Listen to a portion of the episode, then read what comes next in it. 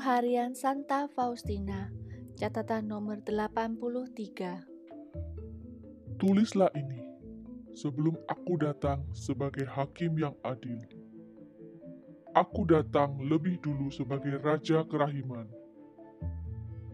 Sebelum hari penghakiman tiba, akan diberikan tanda kepada umat manusia di langit sebagai berikut. Semua penerang di langit akan padam, dan akan ada kegelapan yang pekat di seluruh bumi. Kemudian tanda salib akan terlihat di langit, dan dari luka-luka di mana tangan dan kaki juru selamat dipaku, akan memancar cahaya terang benderang yang akan menyinari bumi selama waktu tertentu. Ini akan terjadi tidak lama sebelum hari terakhir.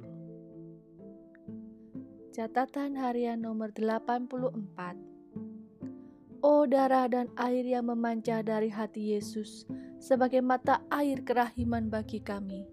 Engkaulah andalanku. Catatan harian nomor 85 Vilnius 2 Agustus 1934 Pada hari Jumat, sesudah komuni kudus, dalam roh aku dibawa ke hadapan tahta Allah. Di sana aku melihat bala surga yang tak henti-hentinya memuji Allah. Di belakang tahta itu, aku melihat cahaya terang benderang yang tidak dapat dihampiri oleh makhluk apa pun. Dan yang ada di sana hanyalah sabda yang menjelma yang masuk sebagai pengantara.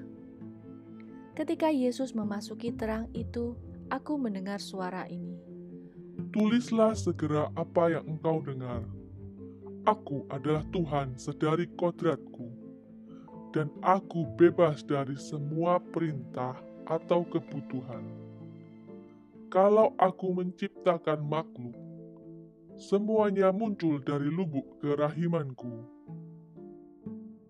Dan pada saat itu juga, aku mendapati diriku seperti sebelumnya, sedang berada di dalam kapel berlutut di bangku tepat pada waktu misa berakhir. Aku melihat semua perkataan itu sudah tertulis. Catatan harian nomor 86 Sekali peristiwa, aku menyaksikan betapa Bapa pengakuanku sangat menderita karena karya ini yang akan segera dilakukan Allah lewat dia. Ketika aku menyaksikan hal itu, Ketakutan mencekam aku sejenak, dan aku berkata kepada Tuhan, "Yesus, ini adalah urusanmu. Mengapa engkau berlaku demikian terhadap dia?" Aku merasa bahwa engkau menciptakan kesulitan-kesulitan baginya, sedangkan pada saat yang sama engkau menyuruh dia berbuat sesuatu. Tulislah bahwa siang dan malam tatapan mataku tertuju kepadanya dan aku mengizinkan semua penderitaan ini untuk meningkatkan pahalanya. Bukan buah-buah yang baik yang kuberi ganjaran, tetapi kesabaran dan ketabahan untuk menderita demi aku. Catatan harian nomor 87 Vilnius 26 Oktober 1934 pada hari Jumat, pada pukul 6 kurang 10 menit, aku dan beberapa anak asrama berjalan dari taman ke ruang makan untuk makan malam. Ketika itu, aku melihat Tuhan Yesus di atas kapel kami. Ia memandang aku persis seperti ketika untuk pertama kalinya aku melihat Dia, dan persis seperti ia dilukiskan di dalam gambar.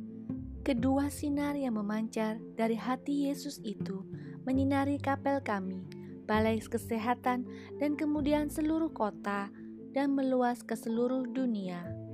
Penglihatan ini berlangsung sekitar empat menit, lalu lenyap. Salah satu dari anak-anak perempuan itu yang berjalan bersamaku sedikit di belakang yang lain juga melihat sinar itu. Tetapi ia tidak melihat Yesus, dan ia tidak tahu dari mana sinar itu berasal. Dengan berapi-api, ia bercerita kepada anak-anak yang lain Mereka mulai mentertawakannya dan mengatakan bahwa ia sedang berkhayal, atau barangkali itu adalah sinar yang dipancarkan oleh pesawat terbang yang sedang melintas. Tetapi ia tetap bersikuku pada keyakinannya, sambil berkata bahwa belum pernah ia melihat sinar seperti itu sebelumnya. Ketika anak-anak lain berkata bahwa barangkali itu suatu lampu sorot, ia menjawab bahwa ia tahu betul apa itu lampu sorot, tetapi belum pernah ia melihat sinar seperti ini. Sesudah makan malam, anak itu menghampiriku dan berkata kepadaku bahwa ia sedemikian terharu dengan sinar-sinar itu, sehingga ia tidak dapat tinggal diam, tetapi ingin menceritakannya kepada setiap orang tetapi ia tidak melihat Yesus. Berulang kali ia bercerita kepadaku tentang sinar-sinar itu, dan ini memojokkan aku ke dalam situasi yang canggung, sebab aku tidak dapat mengatakan kepadanya bahwa aku telah melihat Tuhan Yesus.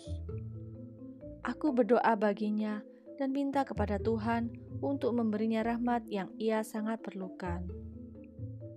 Hatiku bersuka cita karena ternyata Yesus mengambil prakarsa untuk memperkenalkan dirinya melalui karyanya, meskipun aku sangat disakiti karena kejadian itu. Tetapi demi Yesus, segala sesuatu dapat ditanggung.